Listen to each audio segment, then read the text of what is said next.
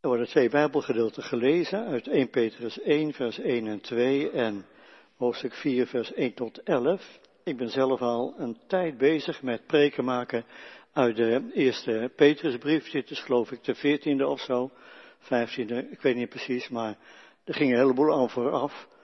En vandaag, nu was ik bij dit gedeelte en dat heb ik nu voor vandaag gekozen. 1 Petrus 1, vers 1 en 2 en 4, vers 1 tot 11. 1 Petrus 1, de eerste twee versen.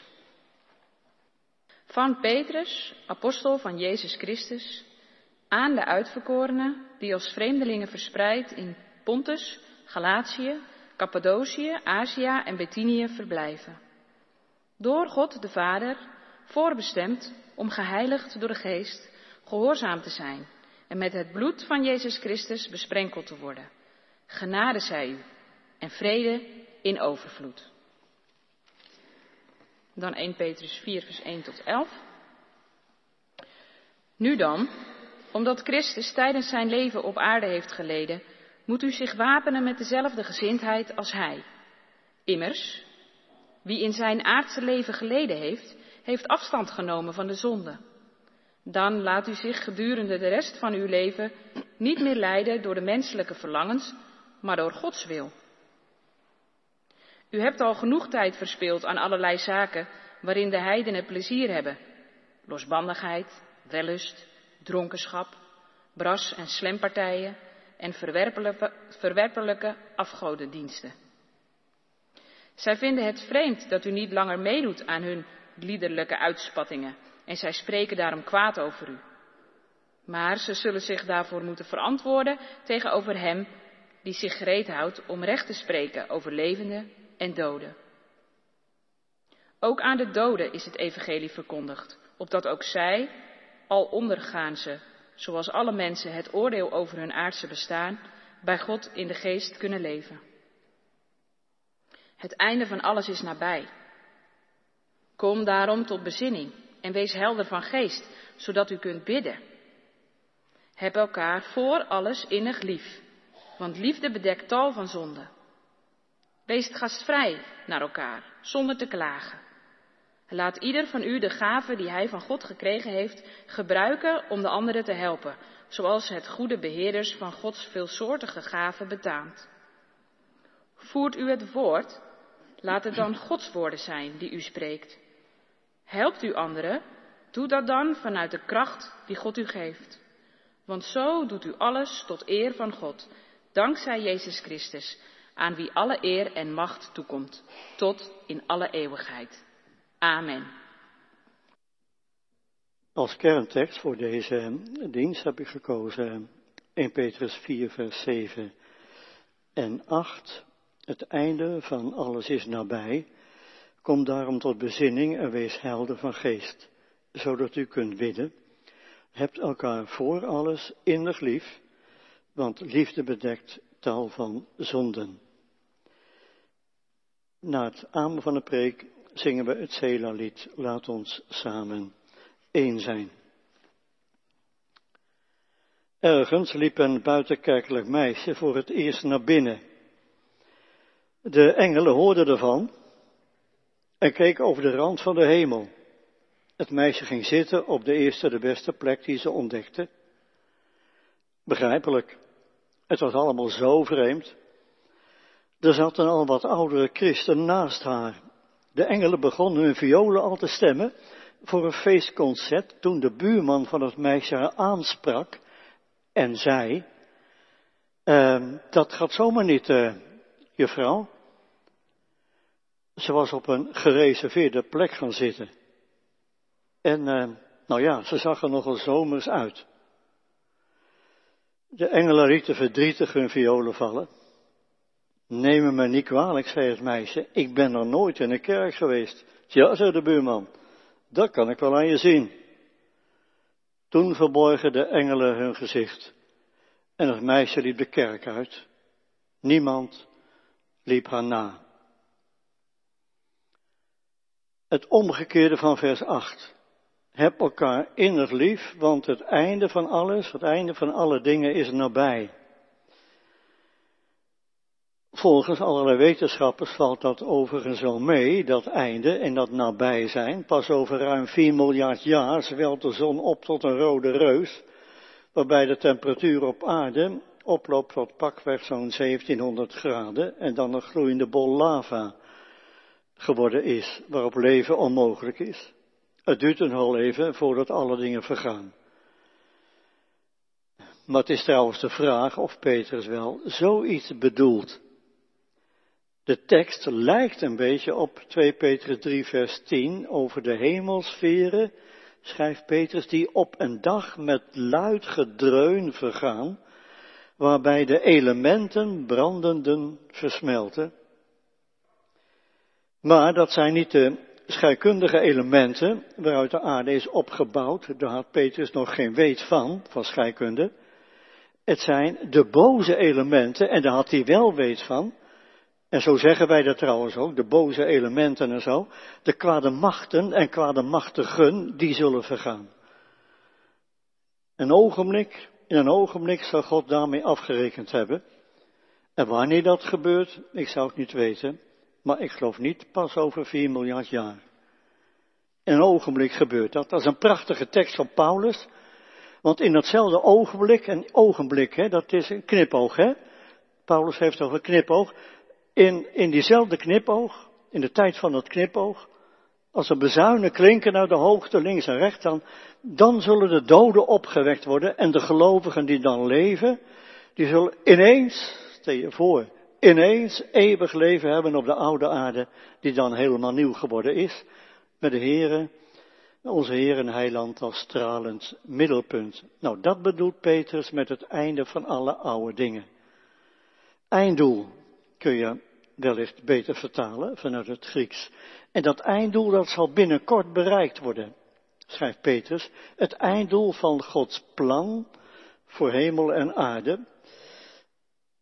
En bij dat plan denkt Petrus dan aan de grote lijn van de wereldgeschiedenis. Nou, de meesten van jullie kennen die lijn wel. Schepping, verloren paradijs, Noach, zonvloed, Abraham, Isaac, Jacob, Israël, Jezus Christus, kruis, opstanding, hemelvaart, wederkomst, nieuwe hemel en nieuwe aarde. Nou, bijna alles daarvan is geweest. Nu alleen nog het laatste. En dat komt bijna schrijft de apostel. Want er zit, dat zie je ook als je die hele lijn voor je stelt van de wereldgeschiedenis, er zit, er zit stuwkracht, duwkracht in de wereldgeschiedenis. Die vreselijke oorlog in Oekraïne, die duwt als het ware tegen de deur tussen deze werkelijkheid en Gods nieuwe wereld. En de honger in Afrika ook. Klimaatverandering en zeespiegelstijging ook. En jouw wanhoop en depressie duwen ook tegen die deur. Er staat zodoende geweldige spanning op de deur naar Gods nieuwe wereld. Gods nieuwe wereldorde. Hoe lang blijft hij nog dicht? Niet lang meer, hoopt Petrus, want het einde van alle dingen zal toch wel nabij zijn. Elke verkrachte vrouw in Oekraïne is een klop op de deur van Gods koninkrijk. Zou het niet? En elke kankerpatiënt en misbruikt meisje zijn dat ook. En al klinkt daardoor de roep. Zoals God ooit het roepen van zijn volk in de verdrukking van Egypte hoorde en ingreep, zo zal hij ook nu het geroep van zijn kinderen horen en ingrijpen. We kijken naar hem uit en smeken, kom, Heer Jezus, ja, kom spoedig. En hij die over deze dingen getuigt, antwoordt, ja, ik kom spoedig. Kom daarom tot bezinning, Petrus weer. Word wakker. Wees bezonnen, nuchter en vol van gebed, vers 7. Jullie hebben immers lang genoeg meegedaan met die feesten ter ere van de goden van liefde, lust, drank, seks, drugs van toen. Vers 3. Lowlands op zijn Grieks en Romeins, zeg maar. Een Nederlandse versie zal er wel op lijken. Binnenkort weer heb ik begrepen. Is dat een fout? Zo'n uh, festival? Nou ja, het lijkt me in elk geval zonde van je tijd en van je geld, denk ik. Maar vooral zonde van de zuiverheid die Jezus jou geeft. Hij heeft voor jou geleden om alle zonden uit jouw leven weg te doen. Nou, en die zuiverheid, die ga je toch niet besmeuren met alles wat God verboden heeft, bedoelt vers 1. Kom tot bezinning. Want de deur van Gods nieuwe rijk staat op een kier. Slotfase van zijn plan is nabij. Petrus weet dat het voor de jonge christenen, daar in Pontus, Galatië, Azië, Bithynië enzovoort, dat het voor hen bepaald niet eenvoudig is. Ze kwamen tot bekering, kregen Jezus lief, werden volgeling van Hem, stapje voor stapje. Maar dat werd ze vaak niet in dank afgenomen door hun collega's en buren. Die vonden die eh, christenen eigenlijk maar vreemd. Erger, ergerlijk eigenlijk. Gevaar voor de samenleving bovendien, omdat ze niet meer meedoen met offers voor het welzijn van het gezin en van de buurt en van de stad en van de keizer. Dwarsliggers zijn ze, omdat ze niet meer meedoen met de liederlijke uitspattingen van de buurt. Nou, om het dan vol te houden in zo'n situatie, dat is niet eenvoudig. Maar, schrijft Petrus, binnenkort als God gaat oordelen over levenden en doden, zal blijken dat zij aan de verkeerde kant van de geschiedenis gestaan hebben. Vers 5. Bedenk dat, zegt Petrus. Kom tot bezinning. Hou vol. Wees radicaal. Want het einde van alle dingen is nabij. En daarom is ook aan de doden, omdat het wereldplan op het einde loopt, is ook aan de doden het evangelie verkondigd, vers 6. Dat wil zeggen, aan de gemeenteleden die omgekomen waren door ziekte, ongeluk of misschien door vervolging. En nu horen die gemeenteleden bij de doden. Maar toen ze nog leefden, werd hun het evangelie verkondigd en dat hebben ze aangenomen. En daarna zijn ze wel gestorven, zoals alle mensen sterven moeten. Maar de dood was voor hen een deur naar het eeuwige leven. En als straks het einde van alle dingen gekomen is, zullen zij verlost van alle pijn en moeite de nieuwe aarde beërven, om daar van elkaar en vooral van Gods heerlijkheid te genieten. Besef al deze dingen. Laat je erdoor bemoedigen, wil Petrus zeggen. En hou je hoofd helder bij wat je bidt vers 7 ook. Aanbidden, danken, voorbeden, voorbeden doen, loven, prijzen, smeken, klagen, zingen, zuchten. Maar vooral, denk ik, biddend kloppen op de deur van Gods koninkrijk. De open Heer, kom. Uw gemeente wacht. En de wereld zucht. En Afrika huilt. En wij, heren, als u het weten wil, wij zijn soms zo moe van dit leven. En daarna, na vers 7 bedoel ik, denkt Petrus weer aan de situatie van de gemeente zelf en zegt dan, voor alles, het einde is nabij, jawel, maar juist daarom voor alles, heb elkaar innig lief. Dat lijkt een ander thema, maar dat is schijn. Petrus wil in heel zijn brief de jonge christenen bemoedigen bij alle moeite en pijn. En daar komt een eind aan, zegt hij als bemoediging. Nog even volhouden. En tot die tijd, die tijd van het volhouden, mag je elkaar vurig lief hebben, want dat helpt om het vol te houden. Want het bedekt tal van zonden, staat er dan. Niet door die onder het vloerkleed te vegen, maar door vergeving. Zoals God vergevingsgezind is, zullen zijn kinderen dat ook zijn. Dan gaat het dus niet over elkaar roddelen, maar voor elkaar bidden. Vurige liefde in Rotterdam. Dan is de gemeente echt een plek om weer op adem te komen. Na alle aanvechting, twijfel en misschien wel minachting van een hele week. Hier kun je gaan zitten en zeggen, hier ben ik geborgen, veilig. En dan mogen we als goede beheerders van alle gaven die de geest ons gegeven heeft, die mogen we daarbij gebruiken, al die gaven, vers 9 tot 11. Liefdestalen genoeg voor een christelijke gemeente. Spreken, helpen, gasvrijheid, profetie, wijsheid, kennis, klanktaal, onderwijzen, troosten, allemaal liefdestalen, allemaal hoogbegaafd hier, om elkaar te helpen in onze seculiere tijd totdat Jezus komt. Dus ook het meisje met Down. Zoals zij over Jezus getuigt, nou daar wordt iedereen stil van, telkens weer.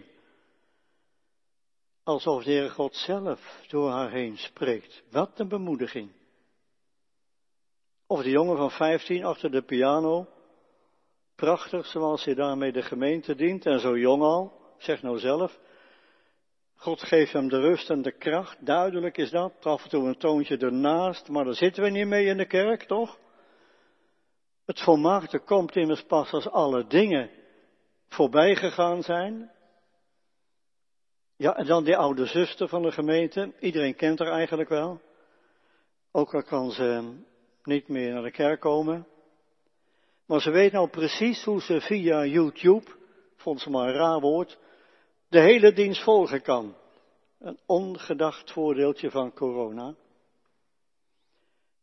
Maar wat niet iedereen weet, is dat zij bij haar dagelijkse gebeden, want ze is heel helder en tot bezinning gekomen, bij haar dagelijkse gebeden een lijstje gebruikt, met name van gemeenteleden, jongeren, ouderen. In een morgengebed legt ze twee namen van jongeren in Gods handen. En s'avonds, in een avondgebed, twee namen van ouderen. En elke maand vraagt ze aan de dominee om een nieuw lijstje. En dan vergeet ik nog dat gezin waar altijd voor één iemand extra gekookt wordt. Mensen uit de buurt weten het wel, zo langzamerhand. Niet zo'n rijke buurt is het. Verschillende kunnen door de hoge inflatie hun hoofd nauwelijks boven water houden. Voedselbank is een uitkomst voor hen. Maar om af en toe zomaar te kunnen aanschuiven bij de overburen, is toch een uitkomst. Even bellen of die extra stoel nog vrij is vandaag. En wat ze dan bij elke maaltijd uit de Bijbel lezen, begrijpt hij meestal niet zo. Maar het bidden, nou dat bidden, dat is wel mooi. Want ze vergeten hem nooit als ze bidden. En ook zijn situatie niet. Gasvrijheid zonder klagen om het vol te houden in deze tijd tot Jezus komt. Maar bij al het goede vooral de innige liefde zelf. Proef dat. De eerste christenen daar in Pontus, Galatië, Bithynië, Cappadocië, Azië. Nou, die moeten het als een sensatie beleefd hebben toen ze de wereld van onderlinge liefde binnen hun christelijke gemeente meemaakten.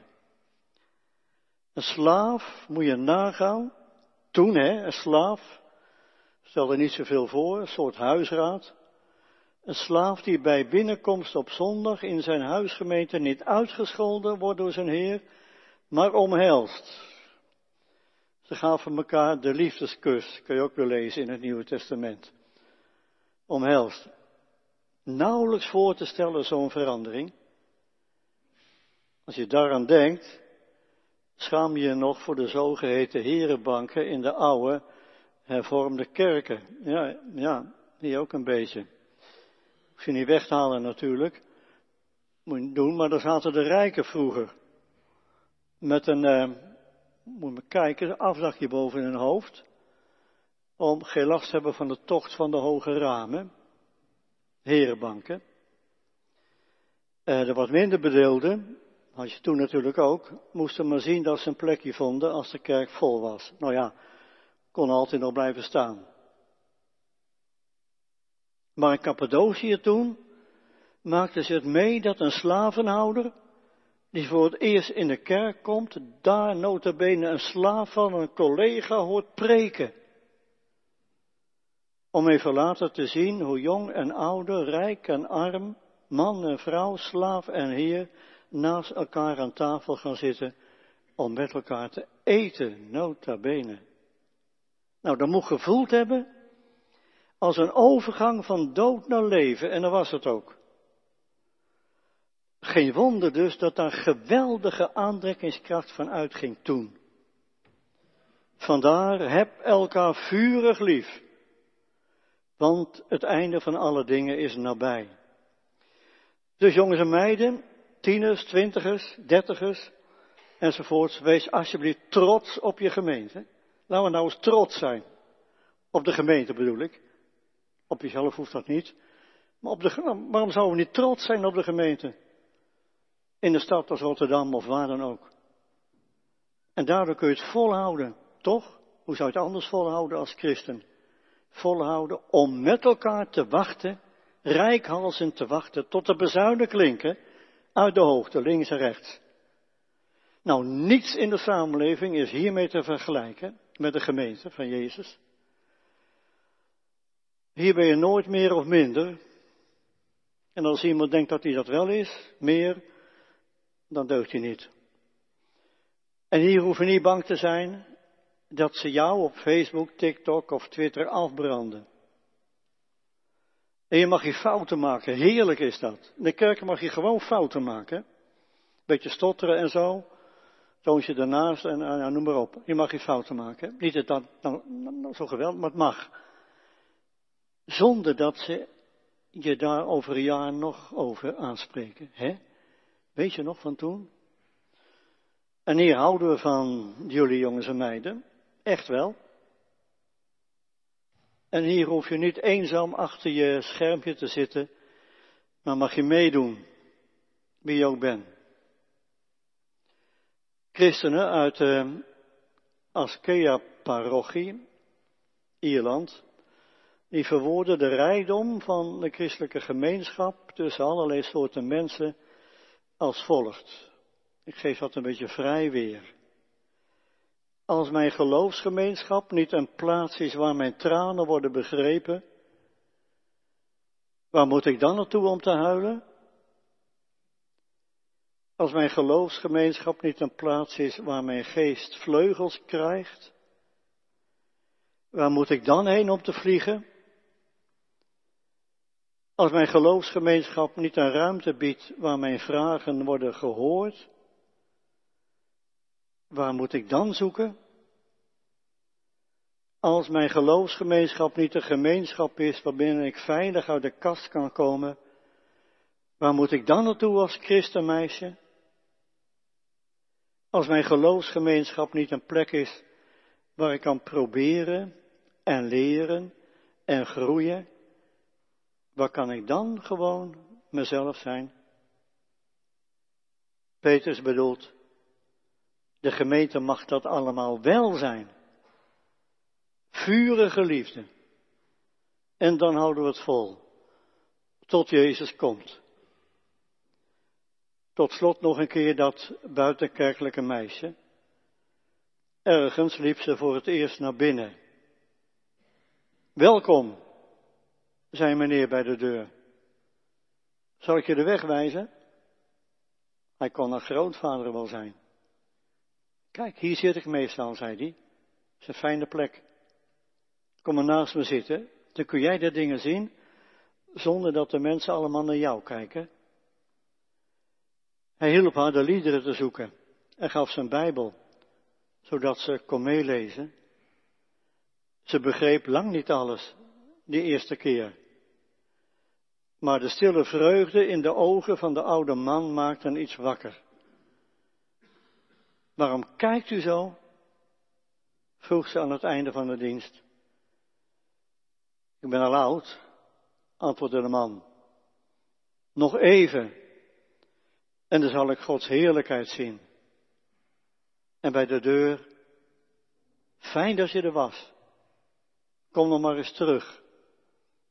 En ze kwam opnieuw. En opnieuw. En opnieuw.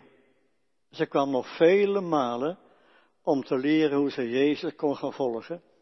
Toen vierde de engelenfeest tot in de hoeken van de hemel. Heb elkaar vurig lief. De oude man had het begrepen, want het einde van alle dingen is nabij. Amen.